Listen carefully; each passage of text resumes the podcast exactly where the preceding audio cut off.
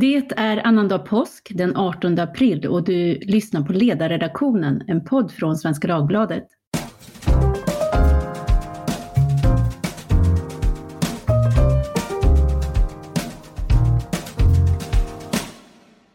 Jag heter Tove Livendal och idag har jag en kollega som gäst.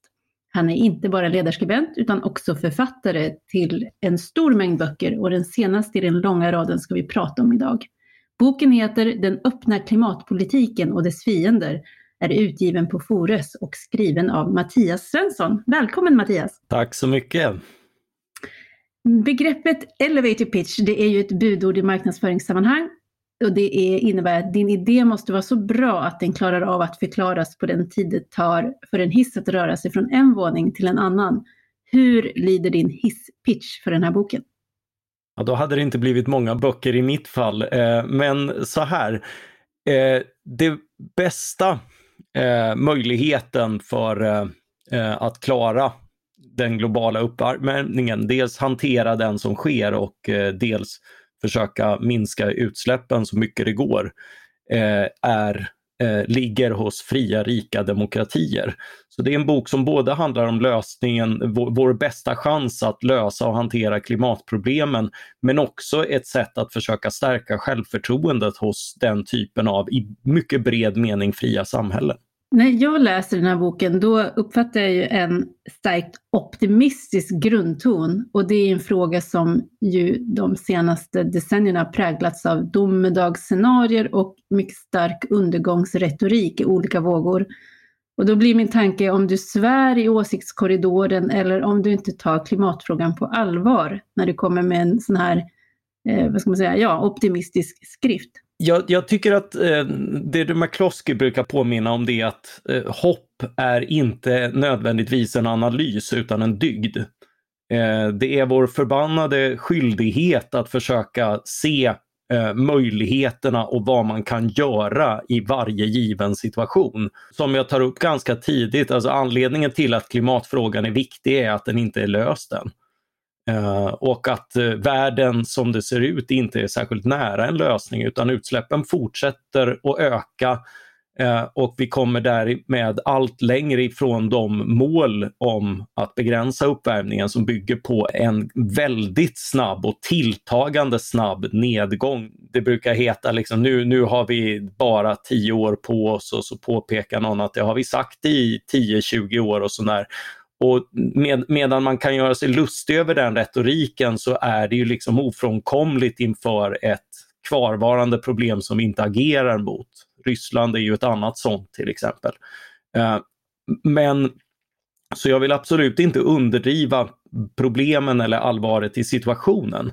Men just därför eh, så bör vi ju hitta, försöka hitta de bästa lösningarna och eftersom jag menar att de bästa lösningarna finns i fria samhällen där man inte riktigt vet på vilket sätt problem kommer att lösas. Där det är öppet för människor att pröva sina styrkor och på, för att på olika sätt lösa olika slags problem.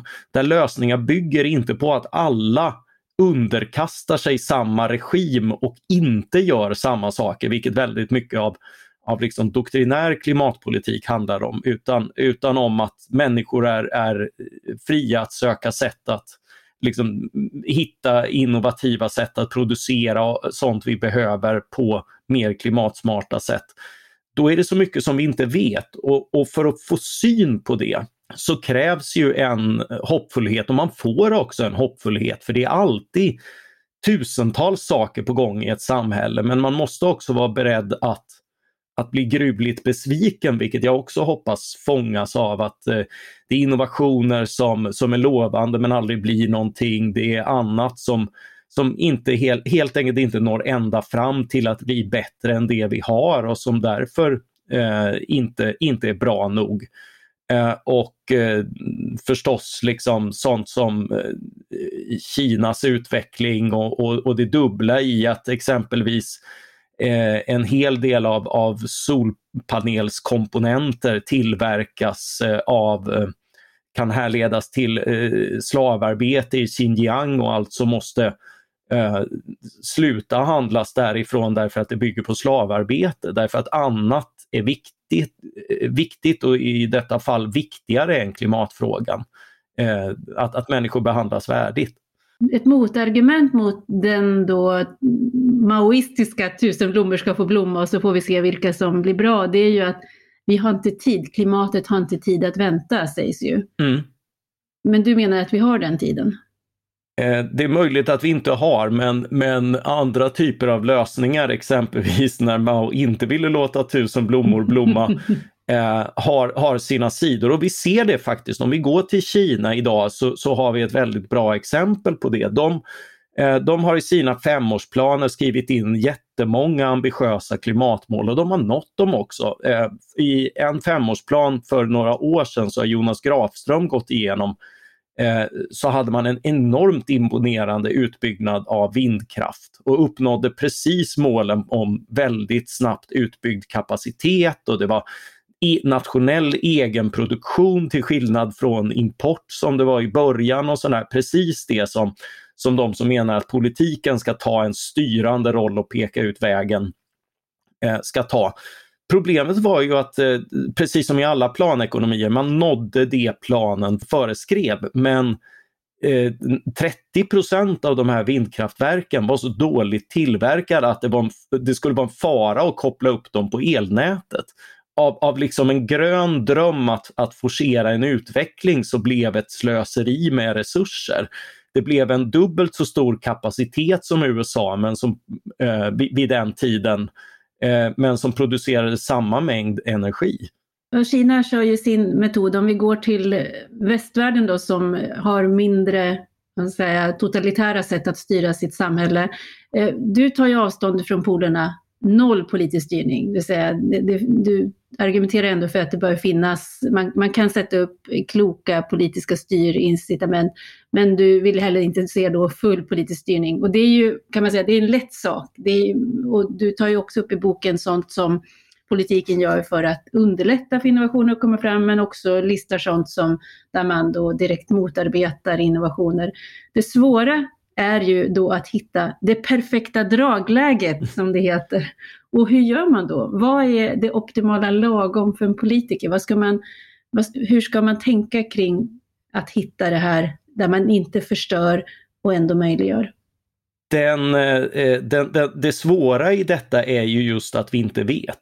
Eh, och vad beror det på? För det är viktigt därför att det finns en föreställning och eh, särskilt på kultursidor och men också bland naturvetare och andra, ju, ju, mindre man vet om politik, men även många som, som sysslar med politik som borde veta bättre, eh, tenderar att göra det, så, eh, göra det här till en konflikt om att ju mer du bryr dig, ju mer du har insett att det här är ett allvarligt problem, desto mer polit politik och politiska restriktioner förespråkar du.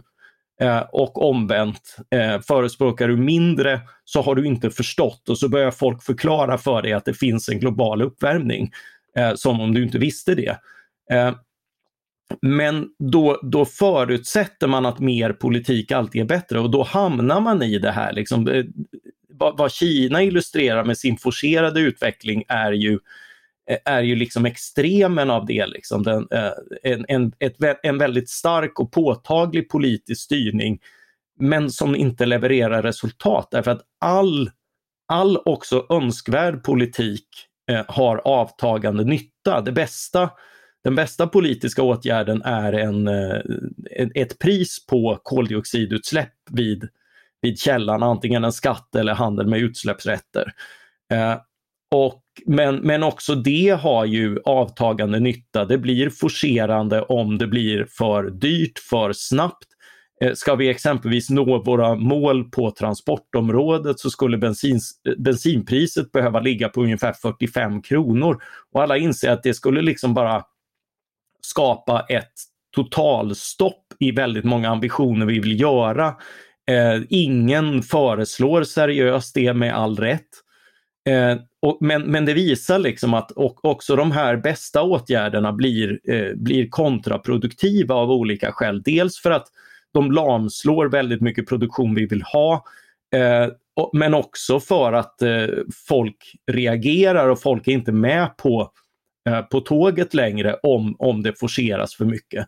Och den här nackdelen, då kan man försöka undvika det genom att istället subventionera en utveckling. Och eh, det, då märks det inte lika tydligt att det har en kostnad, men det kostar mycket mer för att uppnå samma resultat och det är ofta liksom, då får man de här subventionerna till exempelvis elbilar och elcyklar och sånt där som vi har som, eh, som då också har tendensen att gynna de välbärgade som köper nya saker först. Eh, så det är ju, det är ju liksom en omfördelning från eh, fattigare till rikare för att de ska köpa miljöteknik. Förvisso med, med ambitionen då att, att eh, en, det ska sätta igång en massproduktion och, mm. och leda till ett prisfall så att det kommer fler till del. Men, men lika fullt en regressiv omfördelning och det är mindre effektivt också. Så också den här eh, politiken tenderar att, att, stöta på patrull och, och det är ganska fort. Det kan också lättare kapas av politiska intressen så att liksom det ser vi ju med energislag och annat. Det är ofta ett krig mellan olika energislag där, där liksom den som är starkast i, i lobbykorridorerna vinner snarare än den som nödvändigtvis, in, inte nödvändigtvis den som levererar eh, mest eh, miljövänliga mm. lösningar. Eh, och, och, det, där, det där gör, det här finns för, för alla sådana åtgärder och visar att ja, det finns verkligen ett dragläge det dragläget kommer förmodligen innan vi på politisk väg kan forcera fram särskilt mycket av politiska Politiken kan hjälpa till, men tar den över, börjar den kväva det fria samhällets kreativitet, då kommer vi inte snabbare fram utan långsammare fram eller till en typ av samhällsmodell där klimatet är det enda relevanta och och så, så vill ingen leva. Jag menar, fattiga länder släpper ut väldigt lite växthusgaser, påpekas det. Men där dör folk istället i betydligt större utsträckning redan idag av, av dålig inomhusluft från eh, vedeldning och, och, och illa renade spisar. Eh, eller, eller av smutsigt vatten och annat som, som inte kommer dem till det. Det är inte lösningen på någonting. Mm.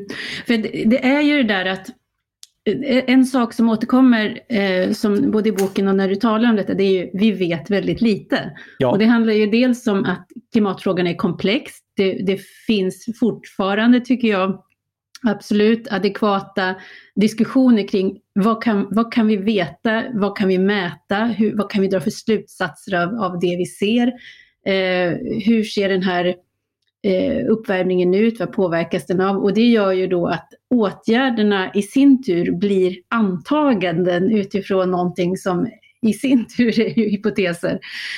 Så att jag, jag tänker att här gäller det ju att ha en, eh, en, någon form av eh, rimlig försiktighetsprincip när man både resonerar som medborgare i civilsamhälle men också som politik. Och det finns ju en återkommande en vilja till symboliska handlingar i politiken. Man vill gärna samlas på stora konferenser och sätta stora mål. Men om man fattar, om man där sätter liksom målbilden fel, kan det ju bli väldigt tokigt, tänker jag, om man ställer om samhällen för att eh, åstadkomma någonting som man inte riktigt vet ger effekt. Hur ska man resonera kring den här, vad är en klok försiktighetsprincip i det här sammanhanget?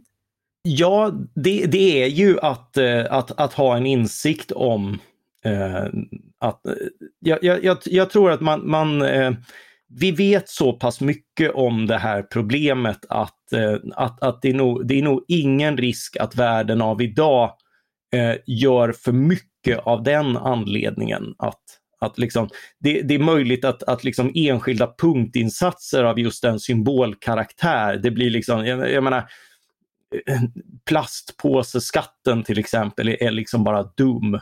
Eh, det, det, det, den, den, är kontraproduktiv därför att plast har liksom inte den, eh, hur, hur, folk använder det i ett rikt land med, när, där det återvinns och, eller eldas upp och blir fjärrvärme och sånt där eh, är inte ett stort problem. Det är, det är en typisk sån här symbolåtgärd som, eh, som liksom varken gör till eller från för, eh, för klimatet eller andra miljövärden. Eh, ser man i det stora så är det liksom inget land som är i närheten av att minska utsläppen ens enligt liksom de mest försiktiga eh, prognoser för, för liksom om, om vi har väldigt tur med klimatet. Liksom. Så, så det är alltid önskvärt att, att åstadkomma mer minskning. Men det som biter i är ju politikens gränser och, och de märks ju mycket mer och, och där måste man vara lyhörd därför att annars får du en, en motreaktion som, som handlar om att eftersom åtgärderna, vi tycker att åtgärderna är så långtgående för för andra mål vi vill uppnå i samhället eh, så, eh, så struntar vi i det här, för det leder ju i sin tur till önsketänkande om att det här problemet kanske inte finns och sådär. Därför att det blir liksom, man känner att det blir sättet. Men, men den relevanta invändningen är ju att, att, att liksom, politiken kan inte leverera det här. Eh, och, och ytterligare restriktioner, kostnader och pålagor eh, står, står sig slätt mot, eh, mot annat. Eh, och då, då är vi åter till att då, då behöver vi liksom genombrott i det kreativa, fria samhället. Vi behöver liksom innovationer som radikalt ändrar förutsättningarna. för och, och det kan vi inte planera fram, det kan vi bara liksom ha en förhoppning om kommer av liksom ett, ett gott innovationsklimat och ett fritt samhälle och en dynamisk åsiktsutbyte och, och liksom eh, fria, eh, fördomsfria diskussioner på universitet och allt annat vi vet av erfarenhet tenderar att gynna eh, innovativa genombrott. Men då kan det å andra sidan gå väldigt fort. Alltså jag har ett exempel med, med solpaneler som ju spridits till och med ner till opium, vallmoodlingarna för att få fram opium i Afghanistan som de har eh, försörjt sig på under kriget mot terrorismen. Ja, det, är såna, eh, det, det, har ju bidragit till en, eh, en opiumdöd och, eh, och eh, mm. det har ju i, i västvärlden ironiskt nog och det har gjort eh, under, under kriget mot terrorismen har Afghanistan blivit liksom den ledande eh, opiumkällan eh, i världen eh, och annat som inte var önskat. Och det tar dessutom väldigt mycket av grundvatten så det är inte riktigt hållbart heller. Men eh, det intressanta är ju att den typen av spridning får du på en eh, miljövänlig teknik när den är billigare och alltså omedelbart bättre för den som använder dem. Mm. Uh, och, och, på så sätt kan ju ett ett, ett svenskt företag som till exempel tillverkar eh, effektiva eh, energikällor eller, eller bilar som är utsläppssnåla och annat. Genom, genom att tillverka sånt eller, eller liksom, eh, stål som har lägre utsläpp och, och cement och annat som är, som är på gång. Då påverkar vi ju hela världen. Eh, och det visar också vikten av att ha en internationell handel och en världsmarknad därför att annars har du inte en chans att snabbt sprida tekniker som får ner utsläppen. Mm. På tal om det, det, det påtalas ju ofta och eh, att klimatfrågan just är global, att det spelar ingen roll om ett land gör på ett sätt, om resten av världen gör på ett annat sätt. Och eh, i det häradet så ska vi tala om klimatbistånd. För det är ju en eh, fråga som då och då kommer upp. Hur ska man se på den frågan? Går det att hitta något verkningsfullt sånt eller eh, riskerar det att, att göra mer skada än nytta som vanligt bistånd ju har visat sig göra? Ja, det är ju återigen politikens begränsningar. Alltså det här låter, det här är en av de där idéerna. Det finns jättemånga som låter jättefina på pappret.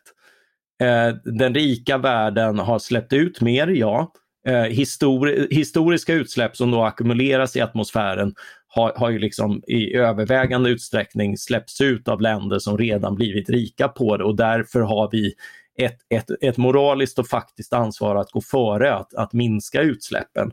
Eh, men också att, eh, att kompensera de fattiga länder som ligger så till att uppvärmningen drabbar dem i, i högre grad. De ligger kring ekvatorn där, där liksom verkligen inte behövs och bli ännu varmare. Det kan vi ju tycka är trevligt i Sverige till en, till en viss utsträckning. Eh, och, och vattennivåhöjningar som man är sämre rustad att, att parera. Men, och också liksom att, uh, att, att styra in på mer, mer miljövänliga tekniker.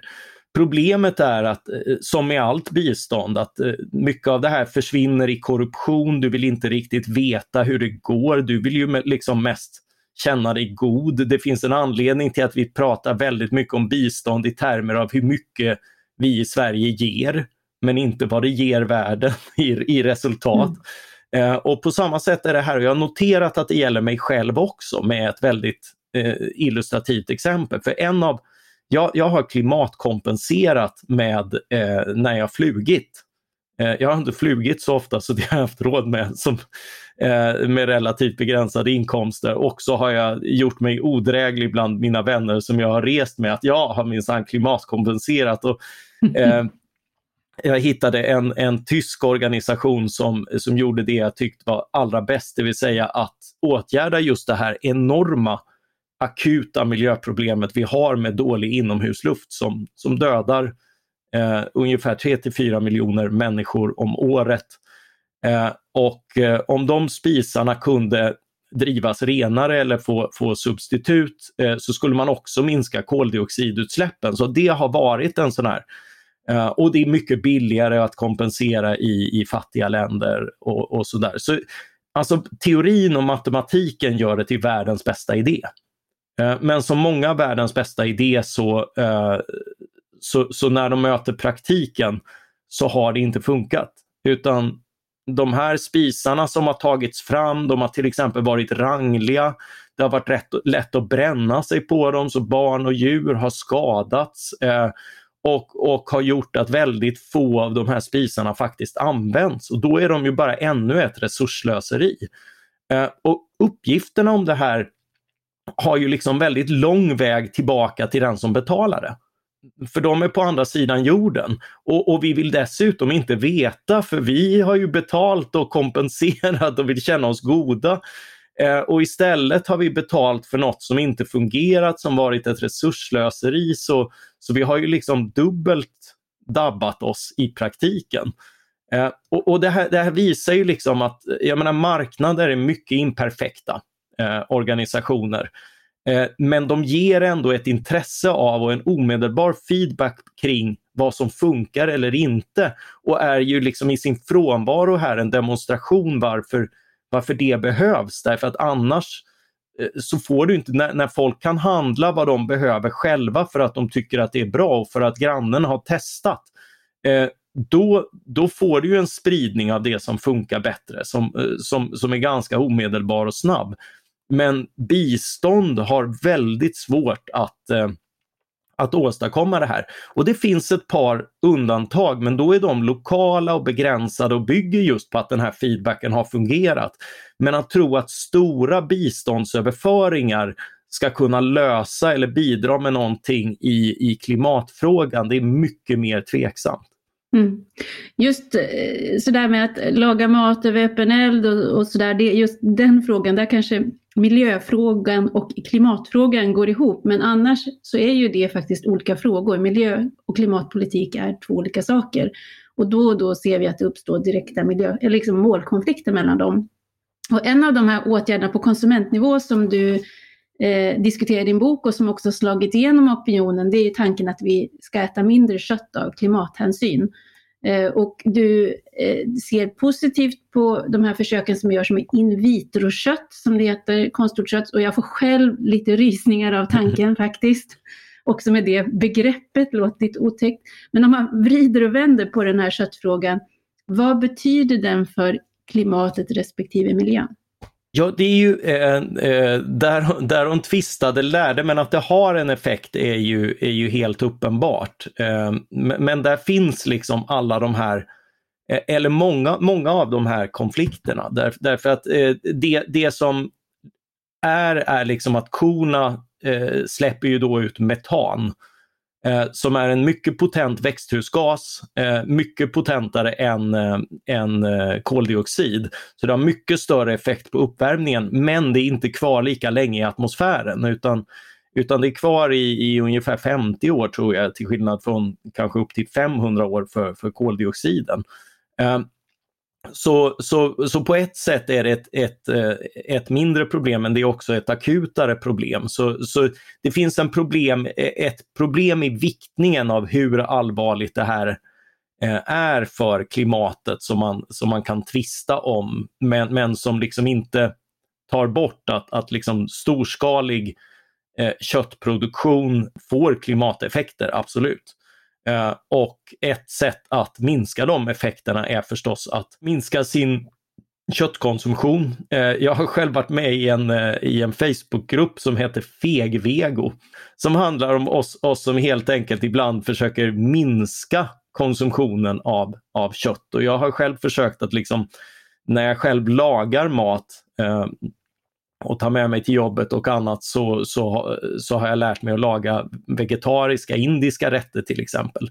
Men jag tycker ofta att det blir mycket bättre om man, eh, om man lagar något helt annat som så, så, att säga står på egna ben än de här substituten. Eh, men det är ju en annan sak, liksom, att, att eh, det sker häftiga saker kring att, att ta fram liksom direkta eller mer eller mindre direkta köttsubstitut. Eh, och, eh, och det där är ju i sig liksom, ja det, det, det är möjligt att det blir en game changer för klimatet men det är också möjligt att det inte blir det. För, för i dagens läge eh, att, att ta fram kött via laboratorier är så pass energikrävande idag eh, och därför så dyrt att det, att det liksom inte slår. Det har minskat snabbt men om det kommer att nå hela vägen till att bli mer en, en, en nischprodukt som Eh, Eh, I slutet av 2021 tror jag att det serverades på, på, eh, på någon restaurang i Singapore som en exklusivitet.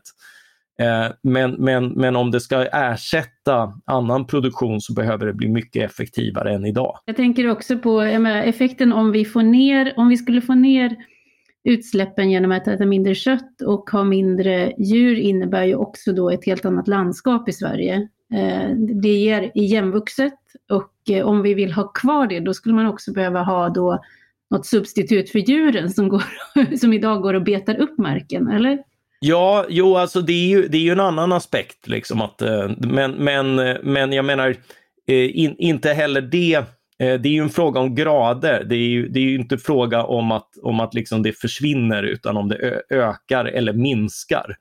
Eh, vi skulle förmodligen, eh, precis som vi bevarar andra miljöer, kunna bevara tillräckligt mycket av det här om, om, om vi såg ett värde i det utan att ha liksom, den stordrift av djurhållning som vi har idag. Eh, så så, eh, så, så det, det, är ett, det är ett fint argument men det är inte riktigt ett argument för, för liksom att inte göra någonting i sig. Men du illustrerar ju just att eh, ja, det har andra effekter och frågan är liksom eh, andra typer av, av kött har ju mindre klimateffekt som, som eh, gris och, eh, och, och, fågel.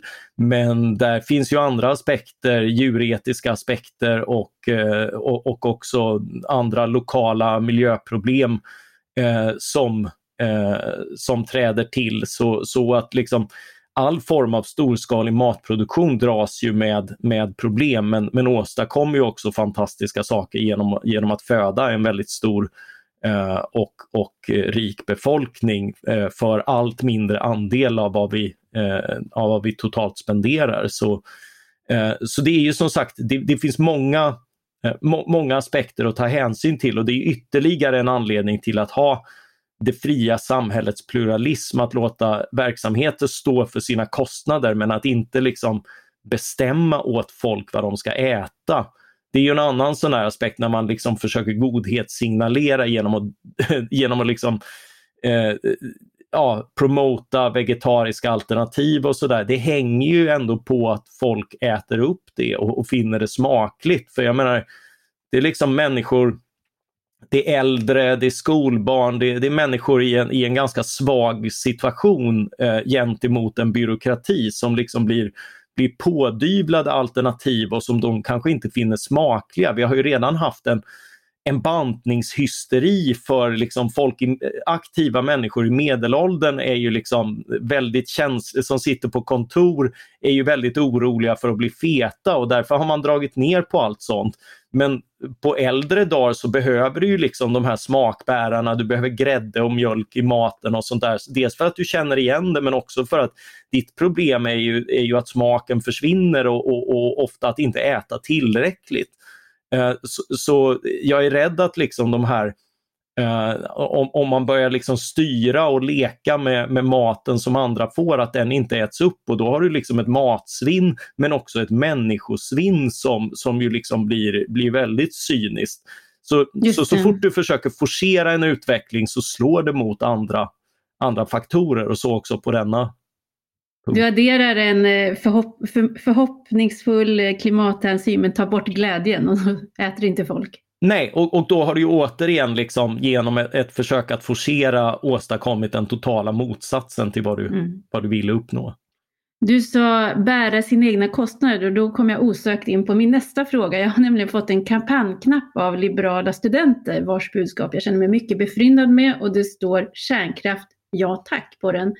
Skulle du ta på dig den knappen eh, och varför eller varför inte? Ja då, eh, alltså kärnkraft kommer vi att behöva därför att, eh, därför att det är ett eh, koldioxidsnålt, det, det, finns inga neutrala sätt men, men det, det, ger relativt lite utsläpp även om gruvdriften gör det förstås och, och att bygga dem. Eh, men eh, relativt snåla utsläpp och det är också en, en pålitlig teknik. Där har ju vår kollega Peter Wennblad gjort ett stort pedagogiskt jobb med att, med att förklara behovet av, av pålitlig, eh, pålitliga energikällor. Och Tyskland har gjort sitt för att illustrera motsatsen. Och även Sverige till stor del att, att liksom, det är jättebra med prisfallet på sol och vind. eh, Eh, och, att, och att de källorna har blivit billigare. Men att, att lita för mycket till de källorna i sig eh, har, vi, har dagens elsystem ganska små möjligheter till därför att eh, det så mycket hänger på att, att, liksom, att det blåser och solen skiner och det gör det ju inte alltid. Eh, och och det, har, det har du upplevt i, i din sommarstuga Eh, och många andra fått uppleva effekterna av. Eh, så, så mer pålitliga energikällor som inte släpper ut eh, för mycket föroreningar är önskvärda och där är kärnkraften ett sådant alternativ. Problemet, och det är en anledning till att kärnkraften dyker upp, noterade miljöpartisten som kommenterade min bok på releasen först på sidan 77 i min bok, det är att kärnkraften har inte blivit billigare utan snarare dyrare i takt med att vi upptäckt nya, nya säkerhetsproblem och, och eh, krävt nya säkerhetskriterier. Man trodde ju när kärnkraften kom att, att den Eh, att, att det, det, här var liksom ett ymnighetshorn av billig energi. Så den förhoppningen har funnits också på kärnkraften och man hade liksom en väldigt fördomsfri eh, föreställning om allt man skulle kunna göra. Och, eh, och, och därför Sen, sen, har det tagit steg tillbaka och även en sån mycket utvecklingsoptimistisk person som Matt Ridley har liksom sin skepsis till kärnkraften och möjligheterna att förbilliga den därför att vi har inte råd med speciellt mycket risktagande med en, energikälla med så pass eh, dramatiska nedsidor om det eh, värsta händer. Och att det värsta kan hända måste man alltid vara, vara förberedd på och, och kunna hantera och i alla fall ha med i kalkylen. Men nu finns det ju lite eh, hopp om fjärde generationen, om, om småskalig produktion och, och det är oerhört viktigt. Alltså det, det har ju varit så skadligt att liksom i decennier förbjuda forskning kring det här som vi har gjort i Sverige och att liksom avveckla och ta död på den know-how som finns i hur man driver och sköter och, och hanterar kärnkraftverk är också oerhört skadligt och där behöver vi bygga upp igen därför, därför att det finns ingen chans att vi löser Eh, eller kommer ens i närheten av eh, ett, ett klimatvänligt energisystem utan kärnkraften som en del i det. Eh, en fråga som du kanske inte är skyldig att svara på men som jag tror att du har reflekterat över är ju att det är många som eh, ifrågasätter det rådande ekonomiska systemet. Du sa nyss här att marknaden är liksom imperfektionernas plats eh, och då menar många att det är uppenbart att marknadsekonomin är oförmöget att hantera miljö och klimatfrågor eftersom vi fortfarande har en massa problem. Och sen har vi det politiska systemet som är kortsiktigt, de tänker på nästa mandatperiod, så där finns inte heller eh, förutsättningarna för att ta det långsiktiga perspektivet. Eh, de som säger att vi måste ha ett annat system och det var också, jag tror också miljöpartisten eh, på din boklansering sa någonting om sånt att det här, det duger inte det vi har. Vad tänker de på då? Vad, vad skulle ett alternativ kunna vara? Det, det, är ju eh, alltså det är lite av ett vässelord därför att eh, det, det är ju få som vill lösa det här problemet som förespråkat status quo. Alltså det finns väldigt många förändringar jag vill göra. Jag vill göra mycket mer marknadsekonomi och jag tror att Eh, framförallt så skulle vi behöva mycket mer av liksom ett, ett allmänt dynamiskt eh, samhälle men, men kompletterat med riktade politiska åtgärder som fördyrar utsläpp eh, i, i Sverige och globalt som ju är liksom det, det är ju på ett sätt liksom en ett, ett sätt att komplettera marknaden. Det är klart att det, eh, det, det, det, kräver liksom sin, det är ju en typ av, av kostnader som åsamkas andra eller riskerar att åsamkas andra som, eh, som här ska undvikas. Och jag ser ett, ett, ett mandat för politiska ingrepp just, just därför. Men, eh, men, men det, det, är ju som komplement till marknader. Och varför ska vi ha marknader? Jo, därför att eh, då kan du få den här eh, innovationen, du, kan, eh, du får liksom den här ersättandet av, av sämre produkter med, med eh, bättre och billigare. Eh, det innebär ju också en ständig prispress eh, som är frånvarande i andra typer av system och som vi sällan tänker på men som har tagit oss enormt mycket i att liksom vara, få ut mer av mindre. Eh, och, och, när man tittar liksom på svensk industri och annat så har de gjort en fantastisk resa eh, i att få ut mer av mindre. Jag, jag brukar exemplifiera med Rönnskärsverken som det, det, det, finns en föreställning om att, att liksom allt blir värre, vi släpper ut mer och mer och sånt där. Men, men det där är inte sant utan Sverige har ju eh, halverat sina fossila utsläpp sedan 1970-talet till exempel. Eh, och eh, Rönnskärsverken släppte ut enormt mycket svavel, 180 000 ton som rekordet eh, 1933. Det var precis i början. Och sen kom de exempelvis på att hej, det här vi släpper ut i skorstenen, det är rätt potenta saker så vi utvinner eh, svavelsyra och saltsyra och säljer till, eh, till kemi och processindustrin och så lyckades man halvera, mer än halvera sina utsläpp bara där genom att, att vara effektivare. Och sen har de reglerats och annat. Men de är alltså nere på 3-4 tusen ton och det som var hundratals och tusentals ton tung, tungmetaller, arsenik, kvicksilver och annat eh, på 70-talet är enstaka ton idag. De är fortfarande en jättestor utsläppare. Men samtidigt som de producerar mer och mer av, av, av metaller som de anrikar Eh, så, så gör de det med mindre och mindre utsläpp. Inte bara relativt sett mindre utan i absoluta tal mindre. Eh, och den resan är, är rätt typisk för, för svensk industri och rätt fantastisk över decennierna. Eh, och, och, och det är ju den, den utvecklingen, den kommer delvis av politik men den kommer väldigt mycket från marknaders konkurrensklimat och att liksom allt allt som kan tas tillvara ska tas tillvara därför att där finns kronor och ören.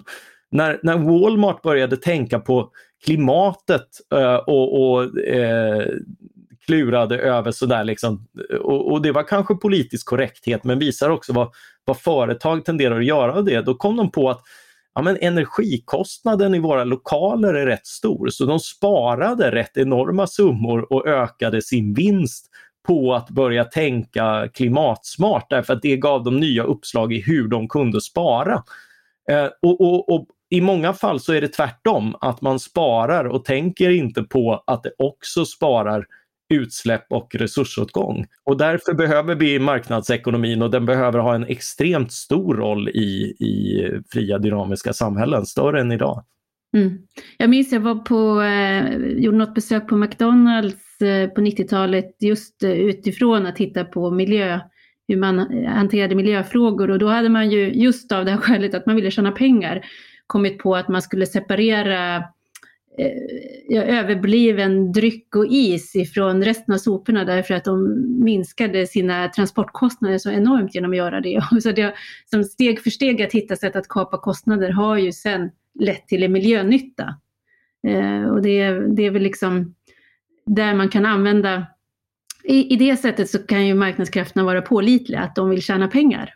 Ja, ja verkligen och det, det här skapar ju en massa effekter som vi liksom knappt noterar och därför inte räknar och framförallt inte ser liksom miljönyttan i. Eh, men men eh, jag, jag lyfter fram ett, ett par eh, exempel till i min bok. Men, men, men det är ju just det här generella konkurrens. och det, all, alla de som pratar om liksom alternativa system, de underskattar det här och de överskattar de tror liksom att politiker styr världen, men det gör de inte. De stiftar lagar och, och, lagar har konsekvenser, men inte bara det man, det man har avsett utan också en massa annat. Mm. Det här eh, litterära påskägget får vi kalla det för, innehåller både sött och salt och syrligt och eh, det är väl den senare sorten som kommer då i den andra halvan av boken, eller andra del, slutet av boken, då du ägnar dig åt just de här fienderna till den öppna klimatpolitiken som du vill se. Eh, vilka är fienderna? Eh, ja, det, är, eh, det, jag, jag blandar stort och smått, men det är saker jag irriterat mig på. Det, det är en massa, en massa åtgärder som jag menar riskerar att leda helt fel och det är allt ifrån eh, rena planekonomiförespråkare, de som förespråkar diktatur eh, och, och just liksom den här väldigt barnsliga föreställningen som, som är företrädd av, av eh, filosofen Torbjörn Tännsjö och, och andra och, men som också finns implicit i mycket av klimatdebatten, just det här att, att liksom, den som vill göra mer måste låta politiken göra mer och så tänker man inte på att det innebär att människor kan göra mindre. Eh, därför att eh, politiken verkar genom lagar och restriktioner. Eh, och, och, lösningen på det här problemet kan, kan inte vara att alla gör mindre utan att, att människor kan göra mer av det de är bra på. Eh, som, som också eh, minimerar utsläppen. Och, och det, där, eh, det, där, det där gör att liksom, eh, diktaturförespråkarna behöver rökas ut och avslöjas, inte bara för att de förespråkar diktatur som är ett monstruöst system och gör det på tjusiga kultursidor och är uppburna, eh, eh, utan också att, eh, att det är fel. Att det inte funkar, att det är ineffektivt. Det låter så tufft och handlingskraftigt men är inte det, utan, utan fria öppna samhällen är på alla sätt överlägsna, inklusive att uppnå den här typen av mål. Eh, men sen finns det också, alltså just det här med alternativa ekonomiska system, det är ju liksom ett hittepåtänkande där man, där man liksom försöker låtsas att om vi kallar alla statliga utgifter för investeringar eh, och eh, så, så, kommer det inte kosta någonting utan, utan man kan liksom man kan bygga vindkraft överallt och sådär, inte för att det går att räkna hem utan, utan för att pengar är gratis och sånt där. Liksom. Det, det, har, det, det, det, finns väldigt mycket önsketänkande och det är klart att det inte är så. Det kommer att kosta pengar. Men inte bara det, utan det kommer att kosta frihet. För det är liksom, när, när man tittar på de här, det är bland annat KTH som har haft liksom jättemycket eh, sådana här rapporter, väldigt påkostat. Eh, där de resonerar om världar utan tillväxt och sådär. Liksom. Och det som står väldigt tydligt i det här är att det är oerhört totalitära tankemodeller. Eh, som, som lägger enorma restriktioner på hur, vad människor får göra och hur människor får leva. Och då är vi återigen där att det är kontraproduktivt. Eh, det kommer inte att vara särskilt klimatsmart i slutändan. Men det är också så att det är ovärdigt. Det är, det, det är en tillvaro som, som ingen egentligen önskar, önskar leva i. Eh, så det är en annan, eh, just de här låtsasekonomiska teorierna. Och en tredje är förstås liksom alla dessa posörer på kultursidorna för vilka klimatfrågan är liksom en, en snuttefilt för deras medelklassångest alla som har trampat på en leg legobit har förstås förbannat konsumtionssamhället. Vi vet att väldigt många eh, välbärgade kulturredaktörer eh, kämpar med sin, med sin eh, vantrivsel över överflödet men, eh, och har ångest över det. Men det behöver inte betyda att, att liksom, eh, uttrycket för det ska vara att vi målar klimatfrågan i det svartaste svart och tror liksom på vilka charlataner som helst som överdriver problemen ännu mer. Och jag har någon sån, nu, nu kommer jag inte ihåg hans namn, som skrev någon sån här utgiven på Albert Bonniers förlag, hyllad på DN Kultur och full av liksom precis det där fake news, påhitt, överdrifter, allting som man förbannat klimatförnekare för Eh, med all rätt, för de har liksom inte grund i, i särskilt seriös vetenskap. Men det är samma på andra sidan. Eh, men, men då blir man hyllad och utgiven av Albert Bonnier och, och det här är jag så trött på att det liksom det blir liksom, för all, all form av konstruktivitet blir då otillräckligt och går bara att sucka åt och så, och så gifter det sig så väldigt bra med de här liksom radikala politiska lösningarna, eh, planekonomin, diktaturen. Det blir ju liksom bara påser, ingenting som man egentligen vill se utan bara påser för att vara tjusig. Eh, och, och det där det där är ju inte lösningen på någonting. Jag förstår att det är jättebra liksom klickraketer och, och konsumtionsporr och, och jag är allt för liksom eh, underhållningsvärdet i det. Eh, jag vill absolut inte begränsa kultursidor men jag vill kunna kritisera dem och det, det är några andra av, eh, av fienderna. Sen, sen ska det ju sägas liksom att vi behöver just de här också tittar man på de här teorierna i grunden och ser hur de har applicerats i några fall, till exempel lokalt av Amsterdam och sådär, då hittar man rätt spännande komponenter ändå. Att liksom, ja men vi kom på det här med att liksom ta, kommunen tar tillvara på datorer och delar ut dem eh, som, som liksom eh, socialhjälp så att folk kan ha det. Liksom, sådär. Vem, det är svårt att ha invändningar emot, det är jättebra. Liksom. Och, och den typen av av, av lärande och processer att, att liksom stora vildsinta tankar om, om, om en önskvärd samhällsförändring eh, på olika sätt driver eh, nischer så länge människor experimenterar på sig själva och sin närhet snarare än på alla i stora eh, dogmatiska totalitära eh, planer. Liksom. Det kan ju berika, för det är inte så att företrädarna för, för liksom ett öppet samhälle i bred mening som omfattar liksom de flesta partier eller, eller upplysta eh, liberaler och liberalkonservativa.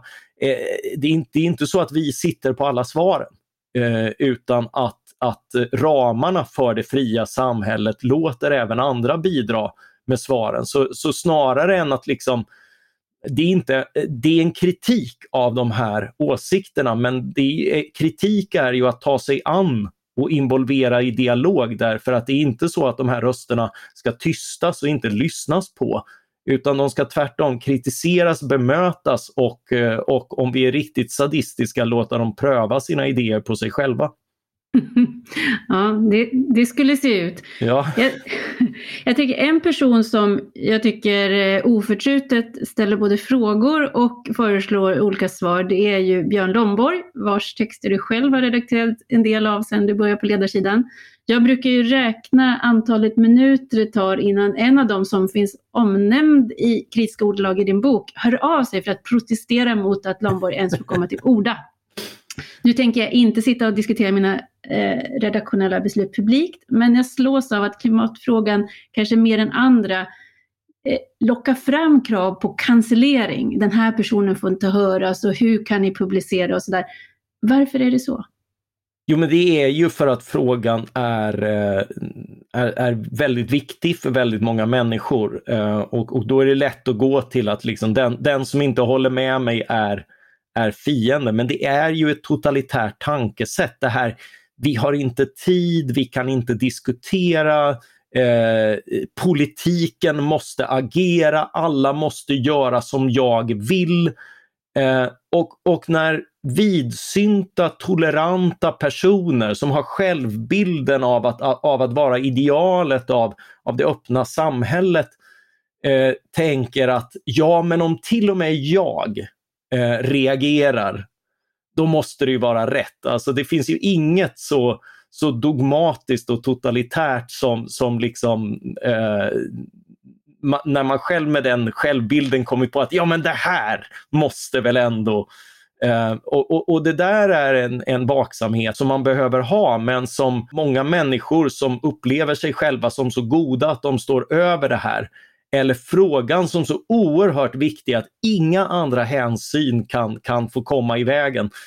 Eh, då, då blir man liksom inte bara en, en uppblåst och pompös person som må hända gör att, att man kan dra på munnen åt, utan man blir också farlig i, i, i liksom sina recept och förslag. Och där finns ju den här oförsonligheten mot varje typ av, av kritiker. Jag tycker att Björn som alla andra ska, ska liksom läsas, diskuteras, kritiseras.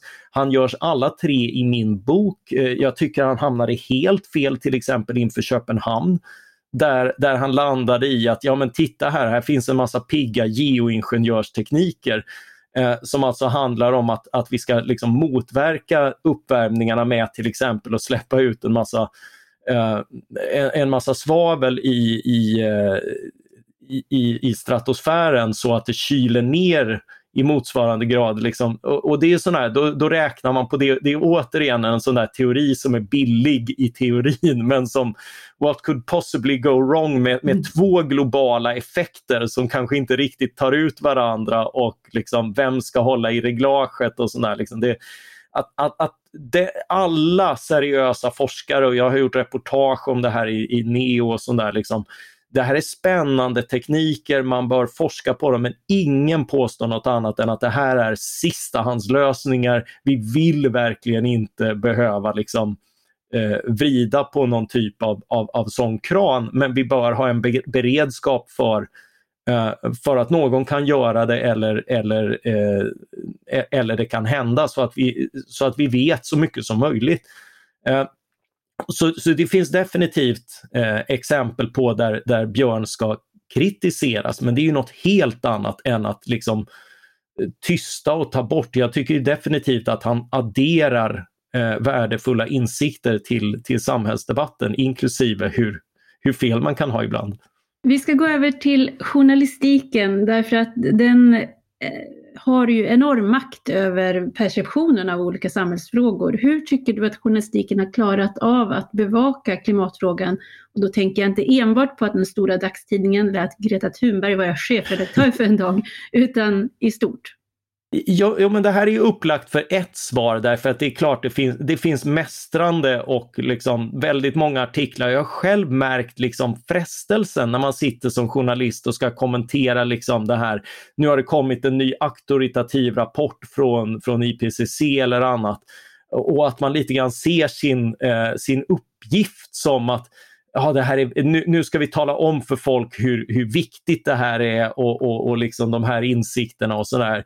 Men som med all annan forskning och framförallt med alla andra policyförslag så behöver det förstås granskas kritiskt och det är journalistikens uppgift.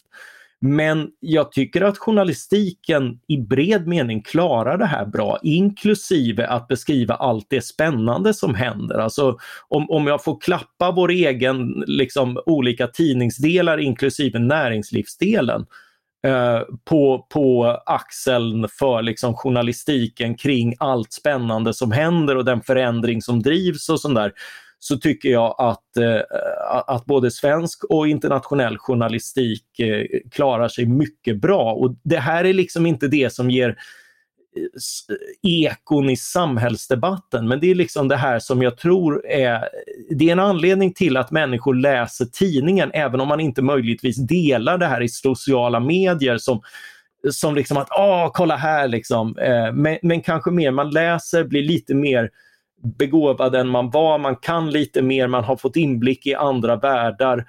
Och, och det tycker jag genom klimatfrågan och, eh, och, och, och, även Greta Thunberg tycker jag i sitt sommarprogram där hon inte var så rantande och propagandistisk utan där hon hade rest runt, hon hade sett, hon hade varit på platser där liksom klimatförändringarna gått väldigt långt.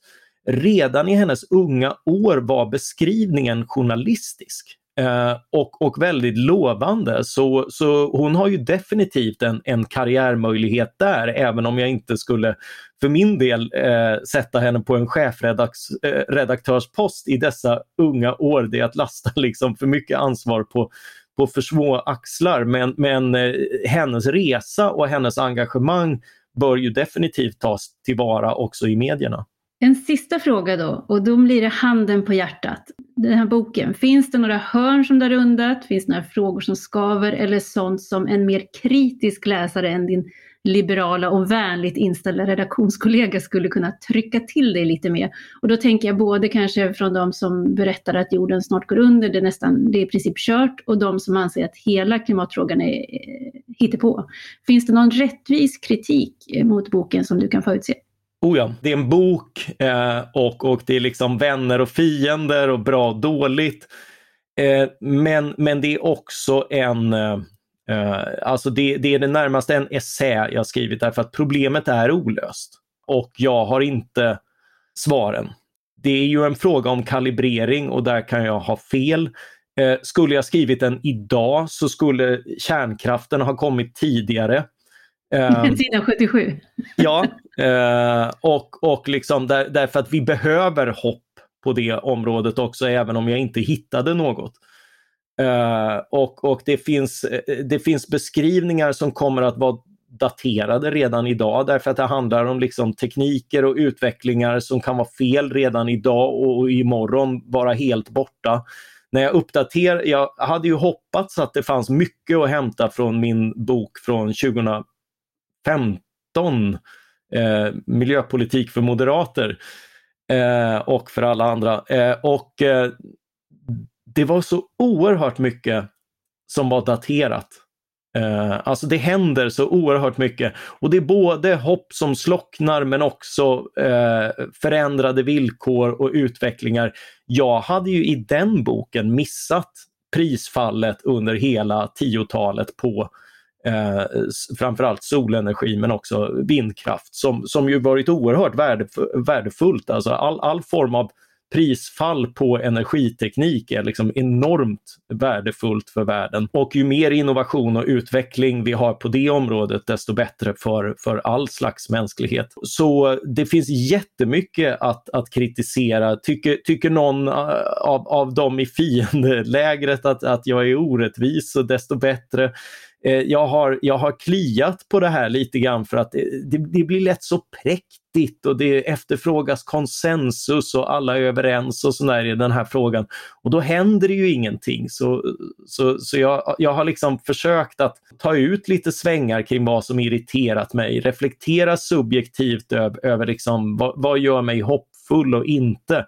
Och det är klart, jag, jag, jag är definitivt naiv i några förhoppningar. Det är lite, det är lite av förhoppningarnas roll. De, de kan definitivt väldigt lätt komma på skam.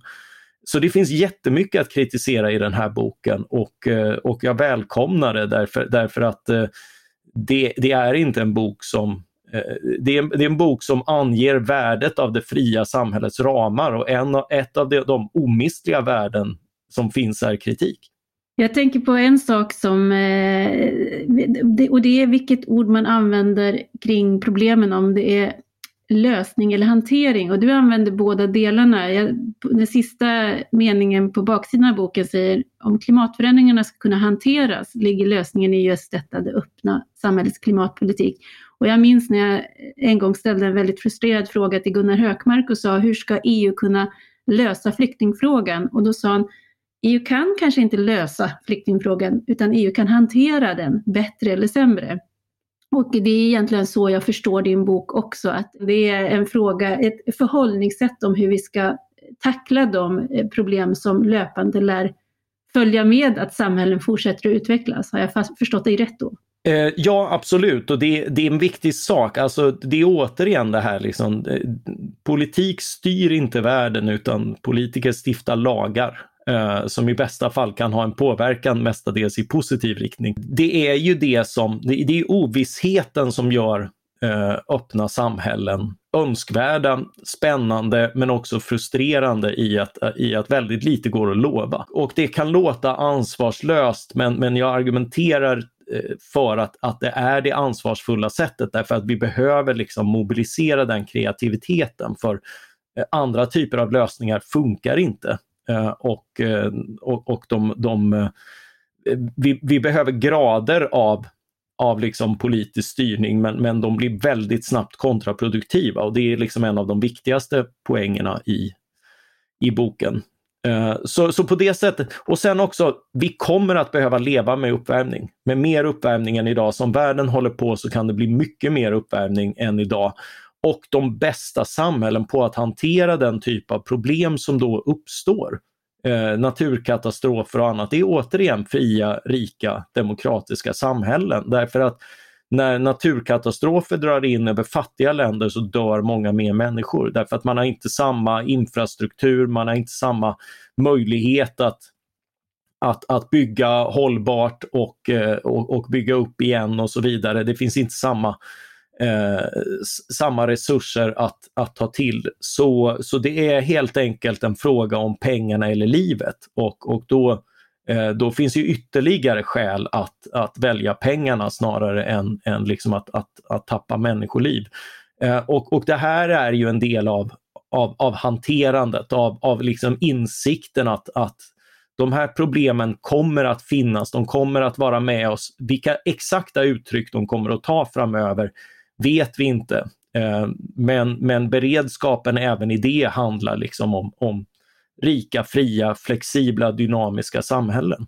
Vi kan inte lova hur det går, men jag som har läst boken kan lova att det är väl investerad tid. Så Den öppna klimatpolitiken och dess fiender, alltså Mattias Svensson, utgiven på Fores. Stort tack och grattis till den här boken Mattias! Tack så mycket! Och tack också till er som har lyssnat. Har ni frågor eller tips eller kritik så kan ni höra av er till ledarsidan svd.se.